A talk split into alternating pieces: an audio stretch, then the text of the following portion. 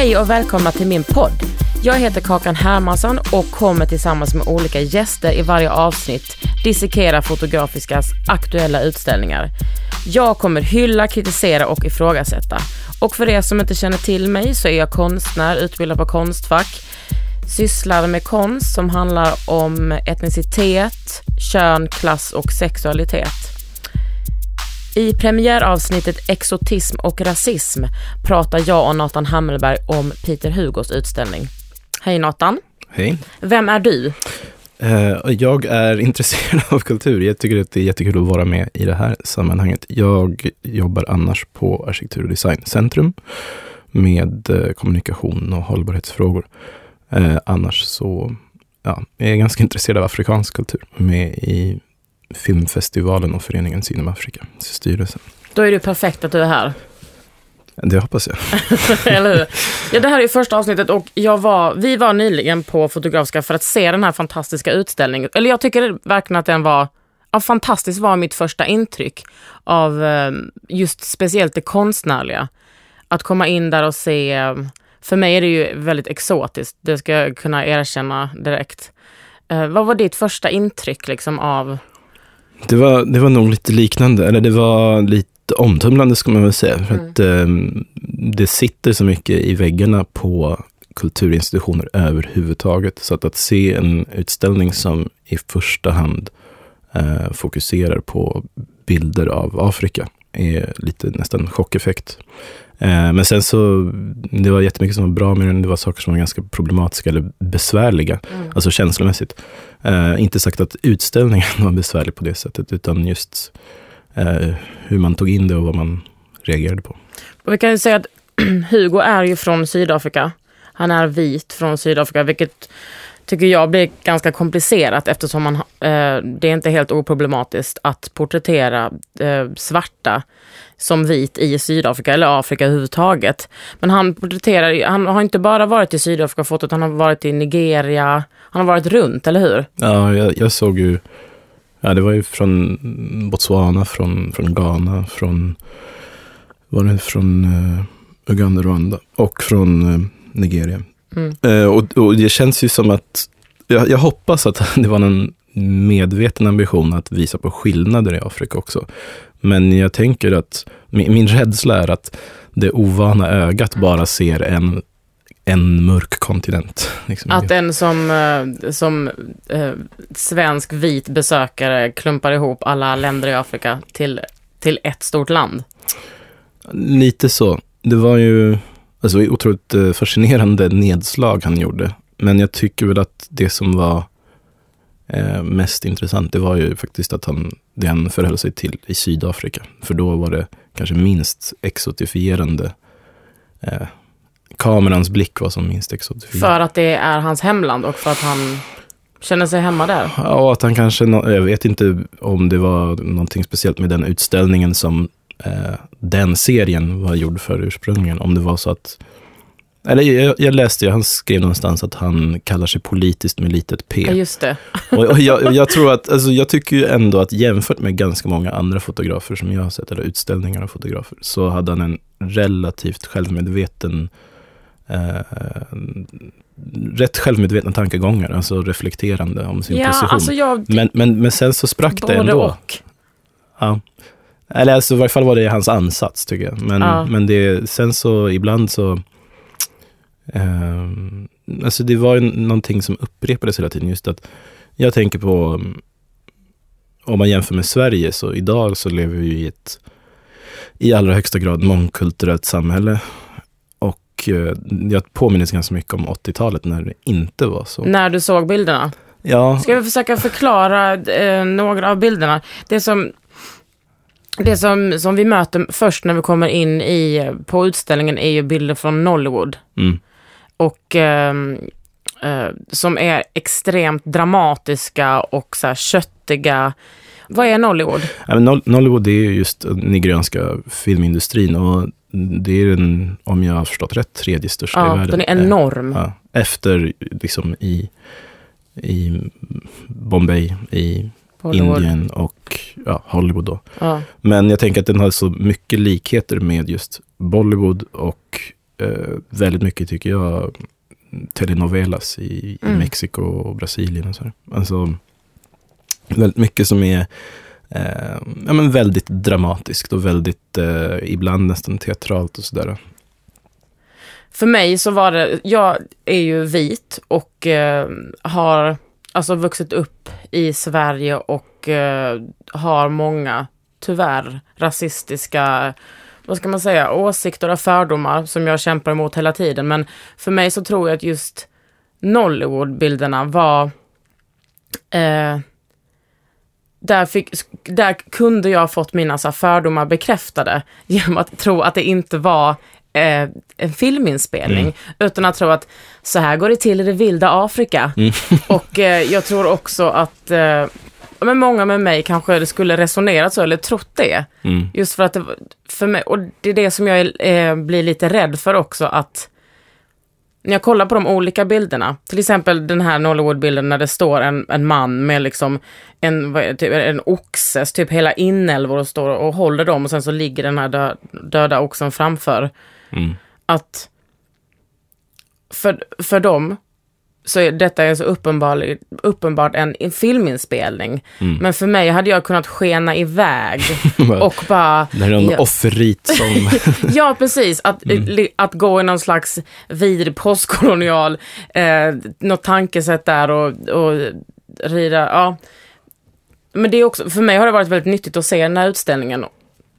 Och när jag säger att jag är rasist så menar jag inte att jag är rasist, jag menar att det är helt oundvikligt för mig i det här samhället att, att, eh, att eh, inte ha blivit påverkad. Ja, men det är väl man har en snitslad bana, liksom för vilka associationer man får visuellt beroende på vad man har för erfarenhet. Jag, jag tänker att eh, jag, jag var förut med i redaktionen för en, ett eh, videokollektiv som heter Stocktown. Och vi, eh, Stocktown producerade en, en serie med filmer från Sydafrika. Eller det, den hette Stocktown Loves Africa. Och där var ju en explicit idé var väldigt mycket att liksom göra upp med den här bilden av Afrika som hungersnöd, safari och aids typ. Så det var ganska mycket fokus på det urbana livet. Och, Mm. och jag tänker att ehm, på ett förvridet plan så är ju att fokusera på Nollywood är lite samma ansats. För Mm. Vad, vad tror du är en bra introduktion till Nollywood-världen om den inte hade sett ut så här som den gjorde på fotona? Nu gör den ju det. Ja, jag, tror att, jag, jag har ett jättebra exempel. Min vän Miguel, han brukar gå och frisera sig på, en, på Afrosöder. Eh, och på andra afrikanska eh, frisersalonger för att han har haft cornrows i håret. Och där brukar de liksom visa eh, just Nollywood-filmer. Ah. Och, och de har oantastlig smak. Eh, Vad betyder det? Nej, men att det, det, är liksom, det är det senaste skiten. Liksom. Det är som Mm. att lyssna på en sjukt grym eh, hiphop-podcast om man vill Mhm. hänga med i musiken. men vad heter det? Nej, men jag tror att det, det är liksom just allting som man inte är van vid. Eh, kan man, ju- man kan ju bli kär i första ögonkastet. Men jag tror att Nollywoodfilm är lite sådär eh, en acquired taste. Man måste komma in i så här, vad betyder det där. Liksom. Det är precis som man kollar på det är ju rätt många typ HBO-serier eller så, som om man börjar titta på dem, så här, fyra avsnitt, jag tycker fortfarande inte det här är bra. Och sen har man sett en hel säsong och tycker att det är sjukt bra. Mm. Och det är samma sak. Men eh, Och Men- speciellt om man har en västerländsk blick. ja, ehm, för att ehm, ja, rasifierade människor, inte bara afrikaner, men muslimer eller vad det må vara. Vad betyder rasifierade? Ah, det betyder alltså människor som skiljs ut från normen på grund av hudfärg, skulle jag väl förenklat säga. Men, men det, vi är ganska ovana vid att se dem som, inte bara som subjekt, det är vi ovana vid, men det händer ju ändå att det finns någon sidekick i någon buddy movie. Typ, tänk Danny Glover i Mm. Dödligt vapen. Mm. eh, som är, som är, får vara med på ett hörn. Men det är väldigt sällan när liksom alla filmens liksom, huvudpersoner, bad guys eh, och liksom biroller är icke-vita. Typ för i Hollywood så är de antingen kriminella eller roliga. Ja, eller liksom, ja men det finns ju, Whoopi Goldberg brukar vara med som den som hjälper vita människor. Om, Just det.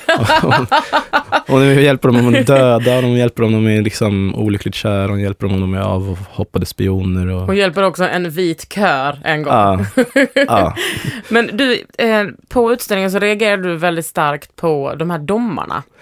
Ja, det var ju verkligen en... en Alltså så, inte dom så att man har fått en dom, utan judges Ja, på engelska. det, var, det var två serier, en från Botswana och en från Ghana. Och, Vill du förklara bilderna?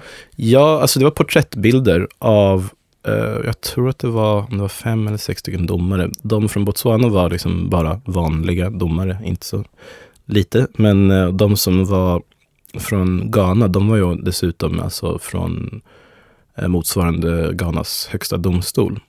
Cool. Och det, dels så bara blev jag lite glad och ytterst politiskt korrekt och att så, ja, men hälften av dem var kvinnor. Men Jag med, det var liksom, det, men för vi pratade om detta, det var min första tanke. Men Ja. det var din andra tanke, för din första tanke var, Ja, min första tanke var att det finns någonting lite sorgligt med att nästan alla brittiska, forna brittiska kolonier, som är del i samväldet, de har liksom en sån, de ser en sån stor prestige i brittiska och europeiska normer och i det vita.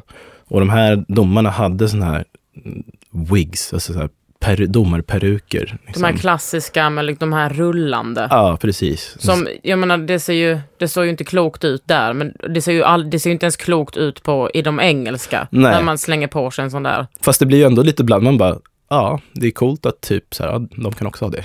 Någonting.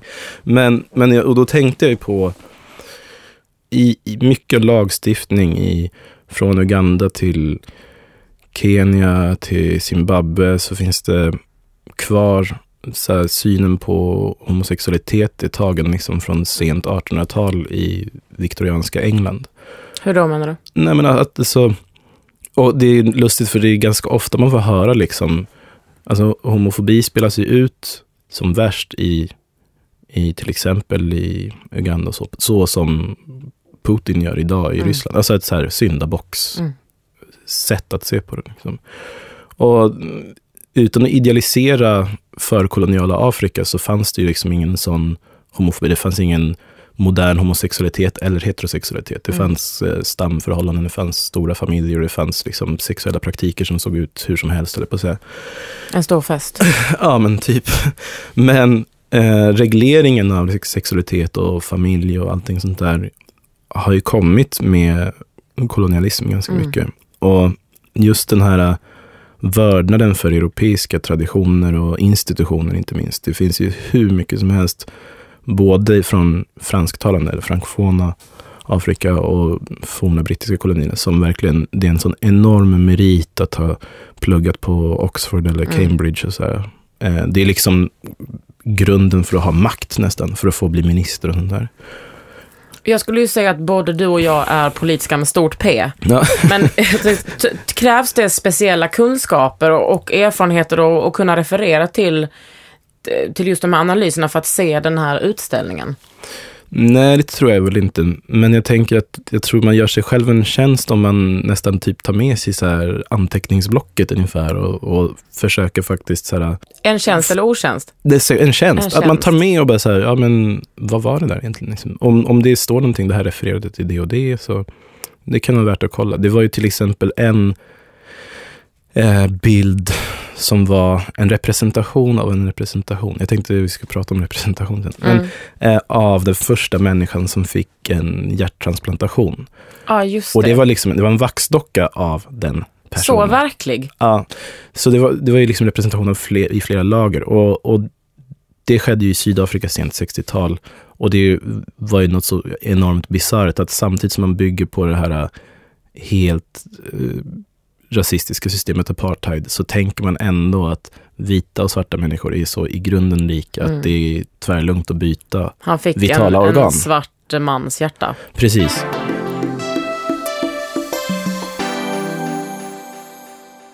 N- när jag kom in på utställningen, jag hade längtat väldigt mycket efter att se den för att eh, för jag tycker om honom som fotograf, jag har sett honom innan och jag hade väldigt så höga förväntningar. För, dels för att kunna ta del av en kultur som jag liksom aldrig har tagit del av ehm, i verkligheten. Men det blir ju också lite speciellt att se det på foto och för mig har det varit väldigt problematiskt att han är vit. Mm. Att han, hur han porträtterar svarta, hur han porträtterar vita. För jag tycker att uppdelningen i utställningen var väldigt, eh, alltså den var grov. Hur han porträtterade svarta eh, som, som främlingar. Och där jag kunde se en stor portion av exotism och vita som familjemedlemmar och jag tror uteslutande inomhus. Mm, ja, det var, jag kan inte svära på det, men jag tror att det var en absolut majoritet som var inomhus. Och för mig så, i synnerhet från Sydafrika, det tyckte jag underströk någon känsla av gated community i Sydafrika. När jag var liten så bodde jag ett tag i Nigeria och då, min mamma och pappa, de bodde i en, by som heter Ahoda, men som låg väldigt nära eh, Nigerias då näst största stad, Port Harcourt. Och det här låg precis i ja, angränsande till det område som härjades av Biafra-kriget. Men eh, det var väldigt mycket investeringar där för att liksom försöka eh, skyla över problemen, man ska säga. Vad gjorde ni där? Pappa jobbade som engelska lärare för ganska mycket internationella, både lokala studenter men även mycket indier och ghanianer som var gästarbetare. Och så.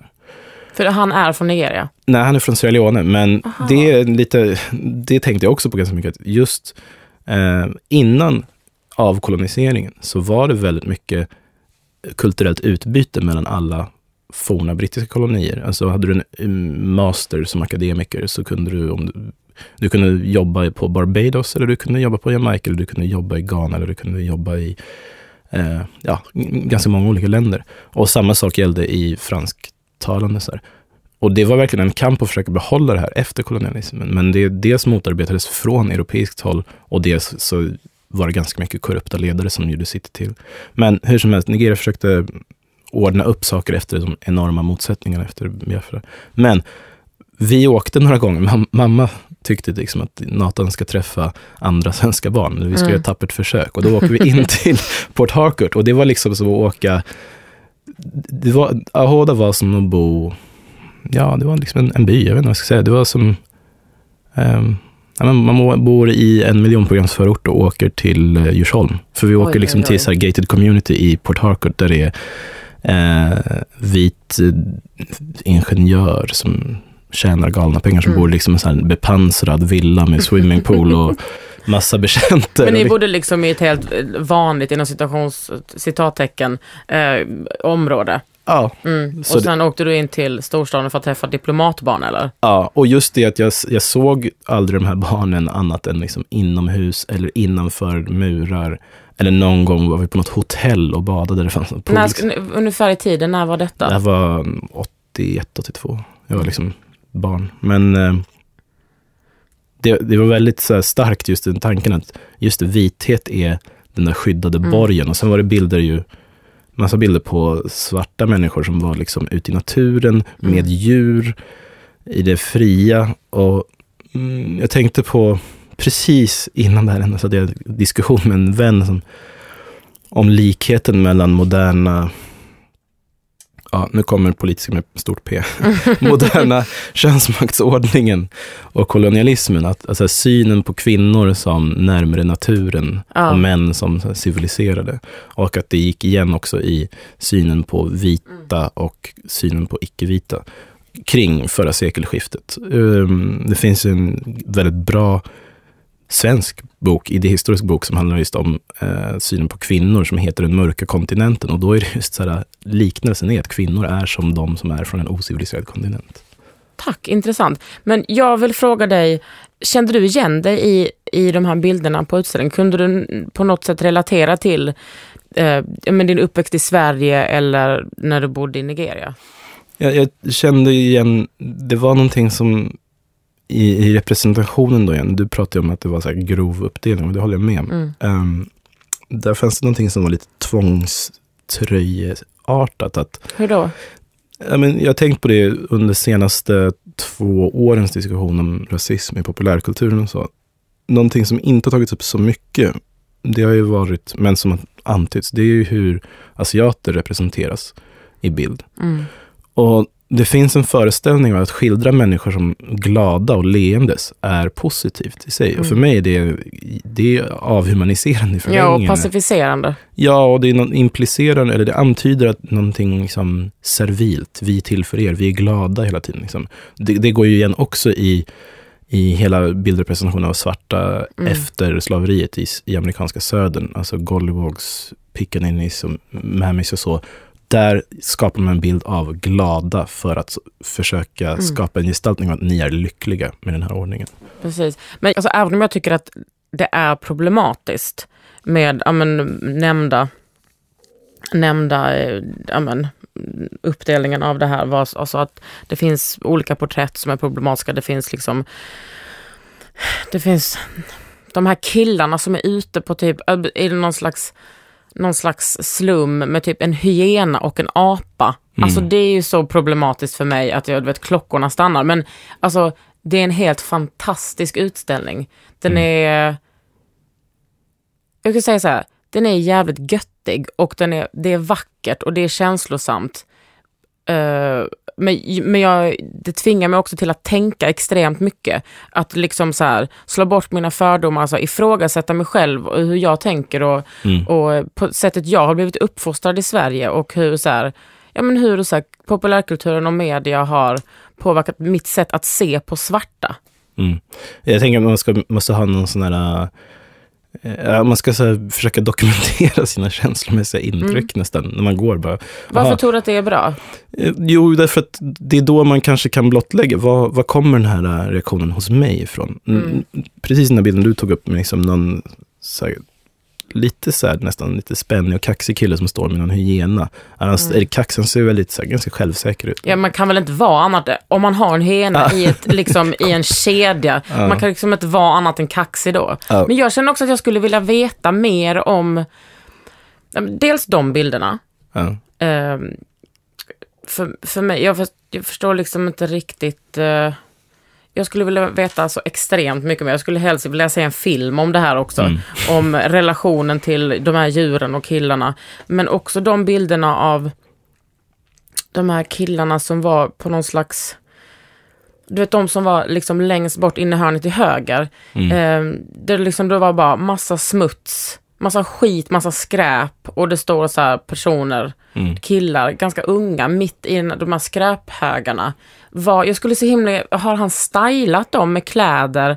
Har, Mm. var, hur regisserade är bilderna? Men jag fick intryck att det mesta, i synnerhet det där som var från Nollywood, det var ju inte han som har regisserat i bemärkelsen, han hade inte stylat dem. Nej, men jag där tror var det bara, han hade liksom fotat. han hade väl i någon mån castat dem som är plockat ut ur en mängd olika skådespelare, hade han valt dem som han tyckte var värda att eh, lyfta så. Och de, vi kan förs- försöka förklara lite av de bilderna. Där var det ju dels den här, den här mannen som stod med det där innehållet med tarmar, hjärta, lungor och allting. Ja. Det var också, ehm, det var, jag kommer ihåg två tjejer som, som satt, en- var det någon slags sjömansutstyrsel? Ja. Och sen så var det några, tre tjejer som såg ut som Ja, åh gangsters typ åh bara. gud. De, de var liksom eh, lite lagom beväpnade helt enkelt. Ja, och du och jag bara, åh den filmen vill vi se. Ja. Var, kommer, var är den här filmen ifrån? Ja.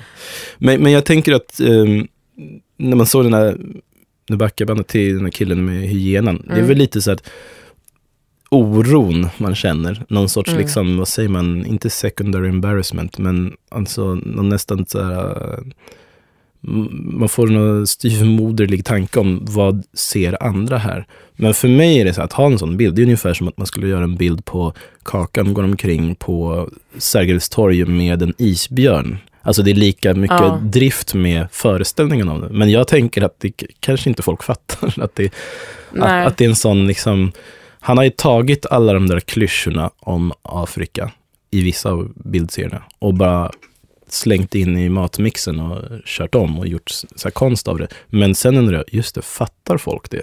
Att han bara, Måste man fatta det för att, eh, för att kunna njuta av det? Eller eh, blir det farligt om man inte fattar det? nej men jag tänker att det är liksom, det är en konstig centrifug. Någon kommer komma ut ur den här utställningen med en massa frågetecken som kommer sjunka in ännu mer.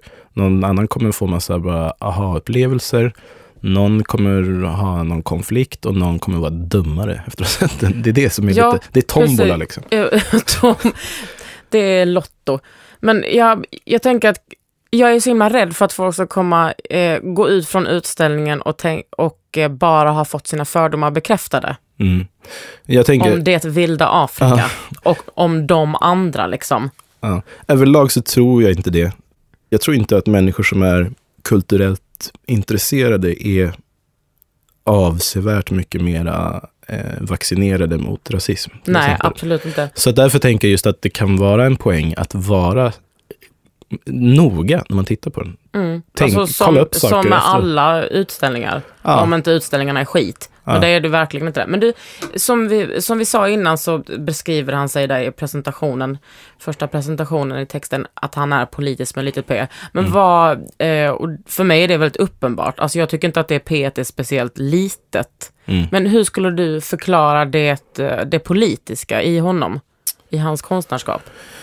Um, men till att börja med så är det väl just att uh, jag, jag minns att uh, en vän till mig, uh, en annan Karin, hon har jobbat i Sydafrika ett tag nu. och hon var med i samma radioprogram som jag och pra vi pratade om Trayvon Martin-rättegången och då mm. jämförde hon med Sydafrika. Kan du berätta, kan du bara dra kort vad Trayvon Martin är? Ja, det var en 17-årig pojke som vart skjuten I USA, i, USA, i Florida. Eh, och Av en har, vit medelålders man? Ja, och de har ju en, en eh, väldigt extensiv syn på nödvärn som brukar tolkas väldigt rasistiskt. Men för den här mannen kände sig hotad av en, av en ung svart kille i luvtröja och sköt honom för att han... Ja, och det, och det, finns ju, det finns ju en sån här liknande logik som ja men säg svenska våldtäktsrättegångar, att någons kläder blir relevant för mm. om man ska känna sig hotad eller tycka att det är okej okay att, att bete sig på det ena eller andra sättet. Mm.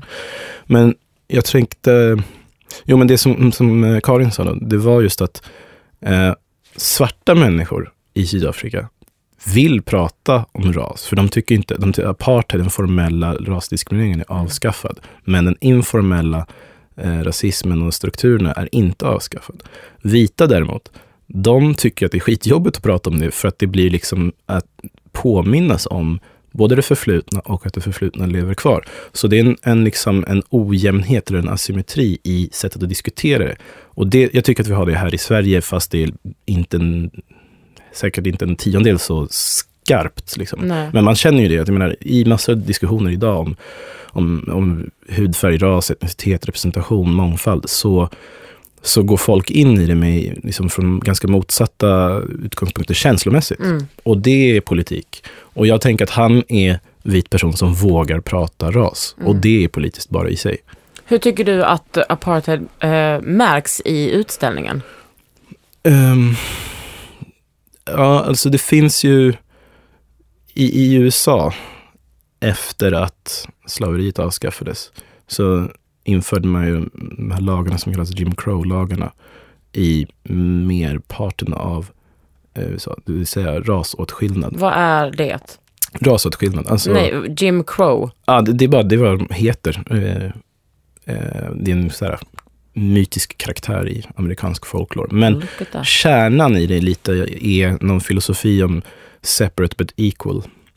Eh, lite motsvarande, nu kör jag många referenser, men motsvarande särartsfeminism. Män och kvinnor är i grunden olika, men de är lika mycket värda. Mm. Svarta och vita är lika mycket värda, men de är i grunden olika. Och alltså därför bullshit. Ska de, ja, och därför ska de hållas isär. Liksom.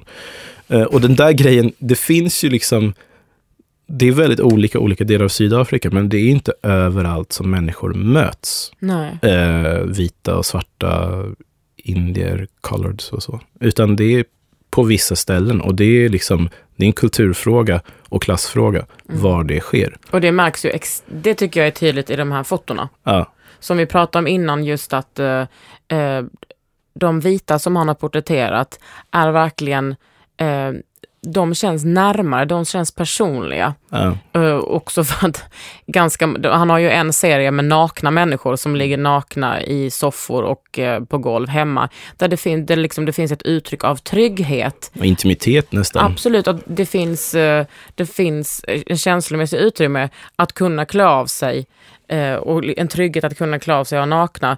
Sen fattar inte jag varför de är nakna, men också att så här att um, de kan liksom vara subjekt på ett sätt som är, mm. som är helt ohotat.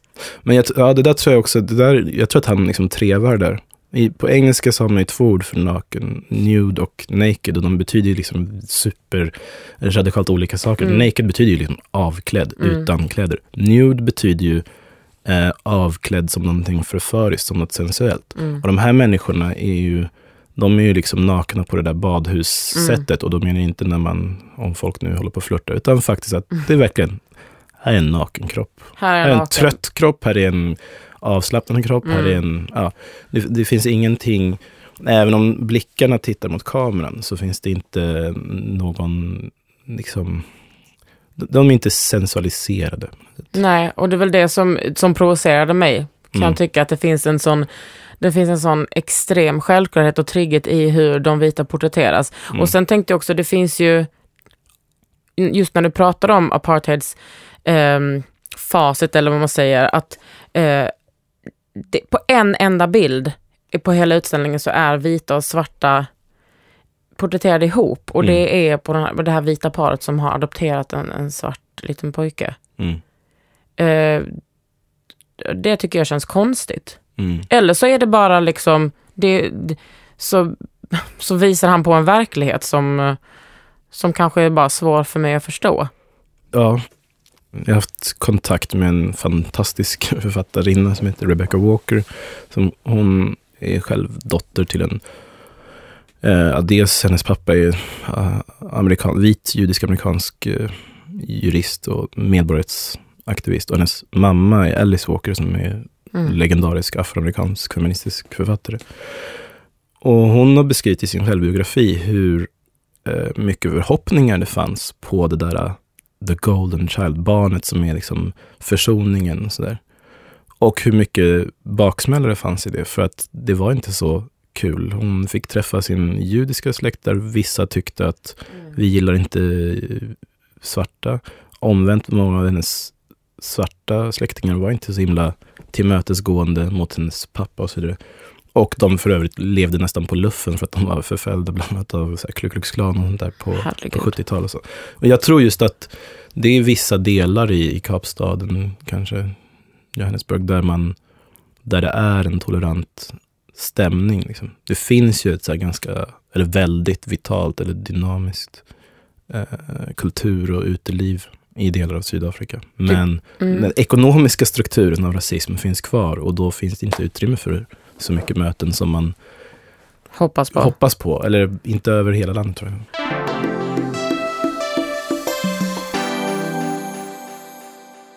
Efter att ha sett den här utställningen så lämnar ändå den här utställningen mig med, med eh, så här, känsla av att jag känner mig så här, intresserad och vetgirig och så här, visst, jag blir, jag, jag vill ifrågasätta, men det lämnar ändå mig med en, en känsla av att så här, oh, vad coolt, vad spännande så här, att jag känner mig så lite överväldigad av all info jag liksom har tagit in. Ja, jag, jag tänkte att det var väldigt mycket, det är ju enormt mycket visuell information som är Mm. ny för många ögon tror jag. Och sen så just att den gick från väldigt, ska vi säga, raka porträtt och ganska, ja, hemskt ord, naturliga sammanhang Mm. till de här som var så just regisserade och stylade och liksom konstruerade. Och, och många av de där väldigt iscensatta bilderna, från först att ha gått från just de här ganska na, lugna bilderna i hemmiljöer och Mm. sånt där, och, och raka porträtt, så helt plötsligt kastas man in i någon här tabubingo, Mm. där man bara kastas runt känslomässigt. Vad, oj, är det här okej? Vilka av de här bilderna eh, så här, har stannat kvar hos dig eller har- gjorde mest intryck på hos dig? Hos dig? Ehm, jag tror, det här är lite min emo-sida. Jag tror alla bilder av barn stannar hos mig. För då tänker jag att där är det är fritt och de, de kommer få vara fria från eh, associationer på ett annat sätt. Mm. Det är de som kommer tillåtas vara i fred. Mm, Där är det så här, de var gulliga barn. Men på vilket sätt är de fria från det? Hur lyckas de Mm. komma bort från det? Nej, men för att det fanns inte någon bild av så brutalitet eller machismo Mm. eller sexualisering eller eh, allt det där som hängs på svarta kroppar Mm. och för den vita kroppar var de relativt fredade från. Och det var skönt. Sen, ja, jag tycker fortfarande den där bilden av eh, mannen med hjärttransplantation var intressant för att det var representation av en representation. Eh, Du får gärna utveckla det här med, med barnen och hur, vad de har sluppit. nej, jag tänker på mm, när jag och min vän Hanna, eh, du känner henne? Jag känner henne.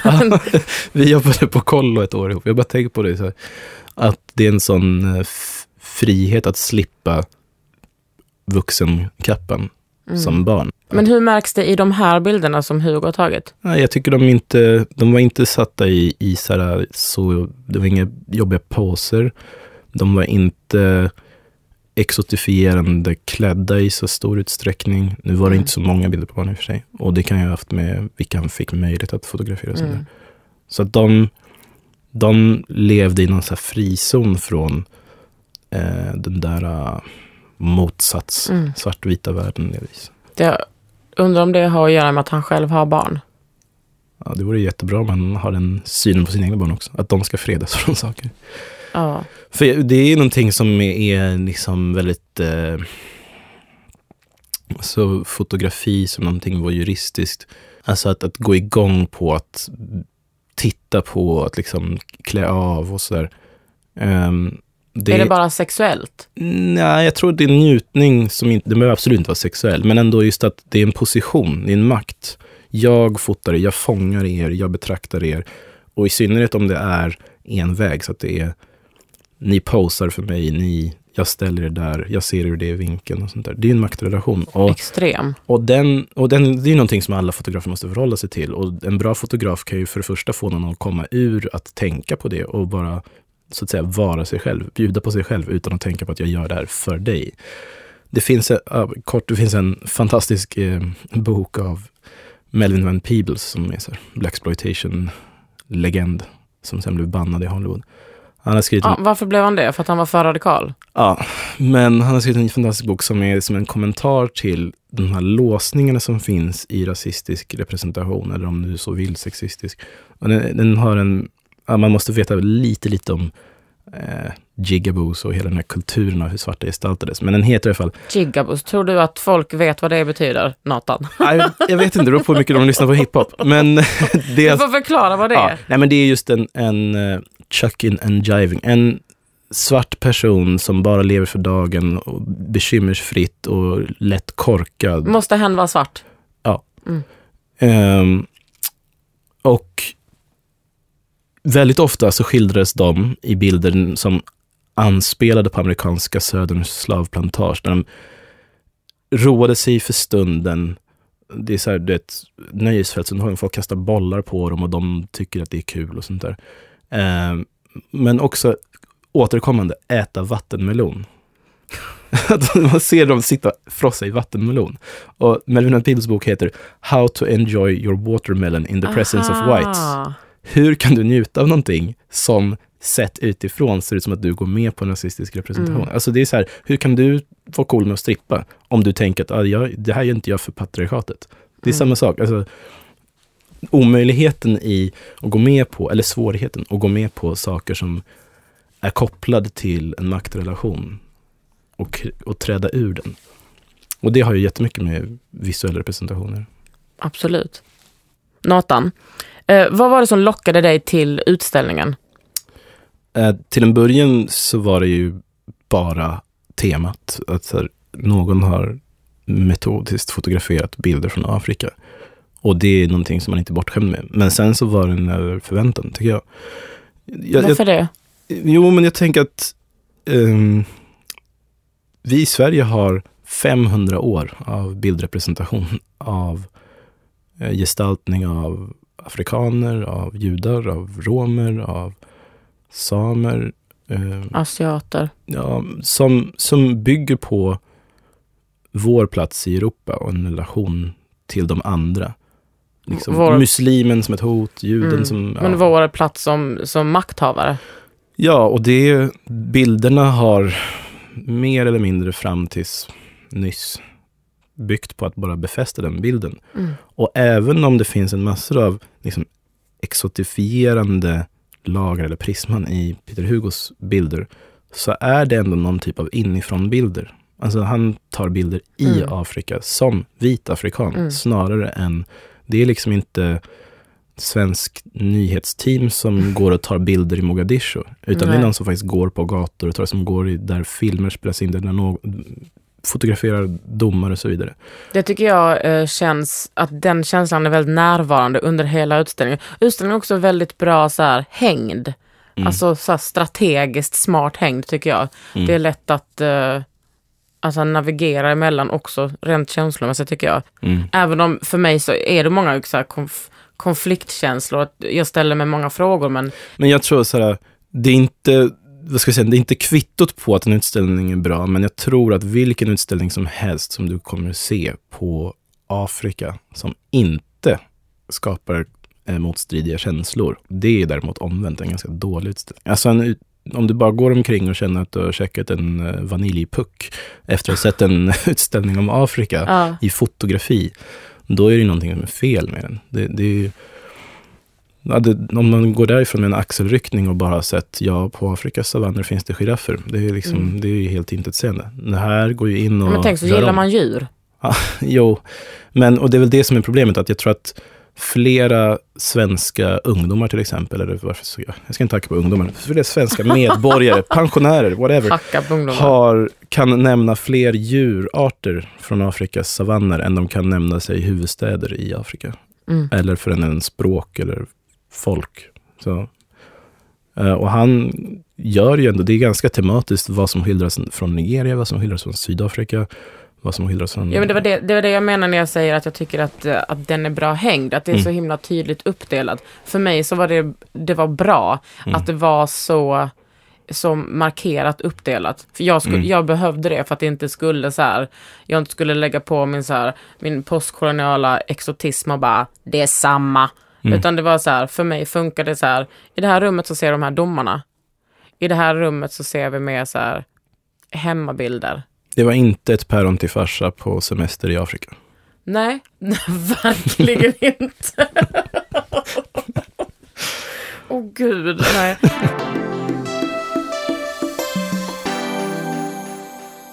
Fotografiska marknadsför ju eh, Peter Hugos utställning med just den här bilden på eh, mannen och hyenan som vi har pratat om. Han står, han står under vad som ser ut att vara en motorväg. Eh,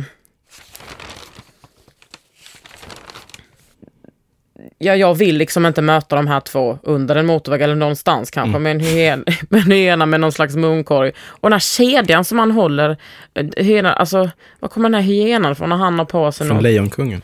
Precis. Och eh, han har på sig något linne och är blank och svettig och har en fräck kjol. Vet du vad han håller på Är det någon slags cirkus? Det känns ju som att det är någon så här uh, hundfight på gång. Ja, men jag kan säga att båda ser ganska, för mig, farliga ut. Det, alltså för mig, jag känner en rädsla och väldigt stort frågetecken.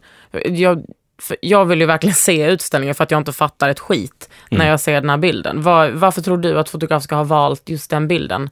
Det är väl att det är mest chockeffekt typ om man får vara lite hård. Mm. Men den är inte så representativ för utställningen. Nej, jag tycker inte heller det. Alltså jag förstår, för den, den står ju för en serie mm.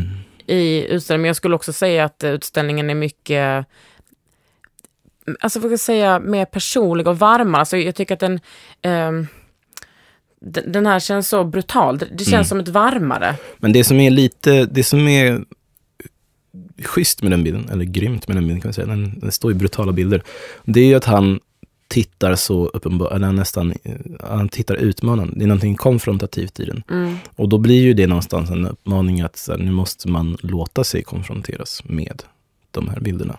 Så på det sättet kan den ändå ses som representativ. Även de stillsamma bilderna blir ju en kontrast mot de bilder man är van vid att se från Afrika i Sverige. Vilka skulle det vara? Nej, men jag tänker, om man tittar på, om det inte är så här ett med naturen eller man hör Richard Attenboroughs speakerröst om these primates mate in the bla bla bla. Eh, så är det liksom, nu har det varit eh, statskupp i Elfenbenskusten och så. Det är sjukt sällan, alltså afrikanska nyheter är dåliga nyheter. Det är väl nyheter överlag. Mm. Men jag menar, i Sverige så får man ändå höra att nu har björnarna fått ungar på Skansen och sånt där. Mm. Eller kungabröllop och sånt där. Och det får vi höra från hela västvärlden motsvarande. Vi får höra om brittiska bröllop, vi får höra om amerikanska presidentval. Vi är liksom marinerade i, de, i det bildflödet. Eh, och motsvarande från Afrika finns inte. Och då måste man ju fylla i ganska mycket själv. Och det är det som är som är farligt? Ja, eller farligt. Det är där som tolkningen uppstår. Och Men... det är därför jag tänker att man måste ta med sig den hem för att kunna, för att det ska landa. Mm. Tycker du att det finns något, något genomgående problem med just den här gestaltningen av de andra som känns igen från annan populärkultur? Uh, ja, jag skulle säga att det är, det är samma problem. Och det, problemet är ett, en um, asymmetri, alltså olika vikt av olika bilder. Um, Hur då? Nej, men just att betydelserna av bilder, alltså jag tycker inte bilder och ord, det är ingen större skillnad. Det en, en, bild är en mening, eller det är en berättelse. Mm. Och det är, de berättelserna som vi får höra tillfogas till sådana vi redan har hört. Och då är det både en, en ojämn, en, en bristande jämvikt i hur många berättelser vi kan om den här världen, om den vita världen och hur lite vi vet om resten av världen och hur felinformerade vi är. Och det är då lätt att man liksom för in nya bilder där, där de så säga, ska sorteras in. Du menar för att det är för mycket att bearbeta och, och så försöker vi sätta upp någon ordning själva? Ja, du har någon bokhylla för dina mm. bilder. Men det här är så mycket så att det inte riktigt går att enkelt bara foga till din bildbank redan. Utan nu blir det liksom, eh, temat är Afrika och helt plötsligt så ser du otroligt mycket mer än du normalt gör. Men sen är det speciellt just att eh, bilder av Afrika får vara, eller av afrikaner, får vara huvudsak. Så att då blir det ju en möjlighet att liksom resonera och reflektera. Och eh, skratta eller provoceras. Eller liksom, de får ta på ett annat sätt än bara flimra förbi. Vad var du mest nöjd med efter att du har lämnat utställningen? Mm, jag tror just eh, att de där nedslagen som var en i Nollywood, till Sydafrika, Botswana, Ghana, de var sinsemellan ganska olika. Och det spräckte effektivt upp mm. den här liksom mörka kontinenten bilden av Afrika. Och sen de här Nollywood-bilderna, de var ju liksom, det var som en karneval. Eh, och de var ju häftiga på något sorts, så här, jag vet inte, nästan fantasyartat sätt. Liksom, här kommer de här gängtjejerna, här kommer de här liksom här kommer en kvinna med fyra horn utklädd till äh, djävulen. Ja. Men för mig så, så eh, vad som var bäst med utställningen var att, eh, att det så fick mig att tänka så ännu mer på mina fördomar och bilden av, som jag hela tiden försöker jobba mot, att Afrika är som ett land liksom. Och det lämnar mig i att reflektera mer i min vardag. Kanske, alltså jag stannar inte i utställningen utan så här, jag tar med mig det och så här, problematiserar och eh, tar med det ut i mitt liv. Liksom. Jag hoppas att fler, att folk som går och ser utställningen gör det. Och sen så, alltså man får inte, man får inte missa också prata om så här, konsten som eh, som, som bara är, alltså som, som är vacker och underhållande i sig utan att man måste problematisera, fast mm. jag gärna gör det. Det är ju, alltså det är väldigt wow. Det är ju mm. coolt. Det här är ju så himla coolt. Också för att det är liksom, det är ställen jag aldrig kommer komma till. Mm. Jag tror inte man ska tänka om, om foto att så här, det första man ska se måste vara någon sorts så här, ABC, the basics. Poängen med foto någonstans är ju att det lyfter någonting ur en verklighet till en annan plats. Och då kan ni precis lika gärna titta på bilder um, från en annan del av Stockholm som du kan titta på en annan del av världen eller Afrika. Alltså du kan lyfta in vad som helst. Mm. Um, men igen, det är det där vad du sorterar in i. Men jag, jag tycker verkligen att det är lite en belöning att få eh, fokusera så. Som... Verkligen, verkligen. Nathan, tack så jättemycket för att du kom hit och delade med dig av din fantastiska hjärna. tack. Och fick eh, också mig att tänka till.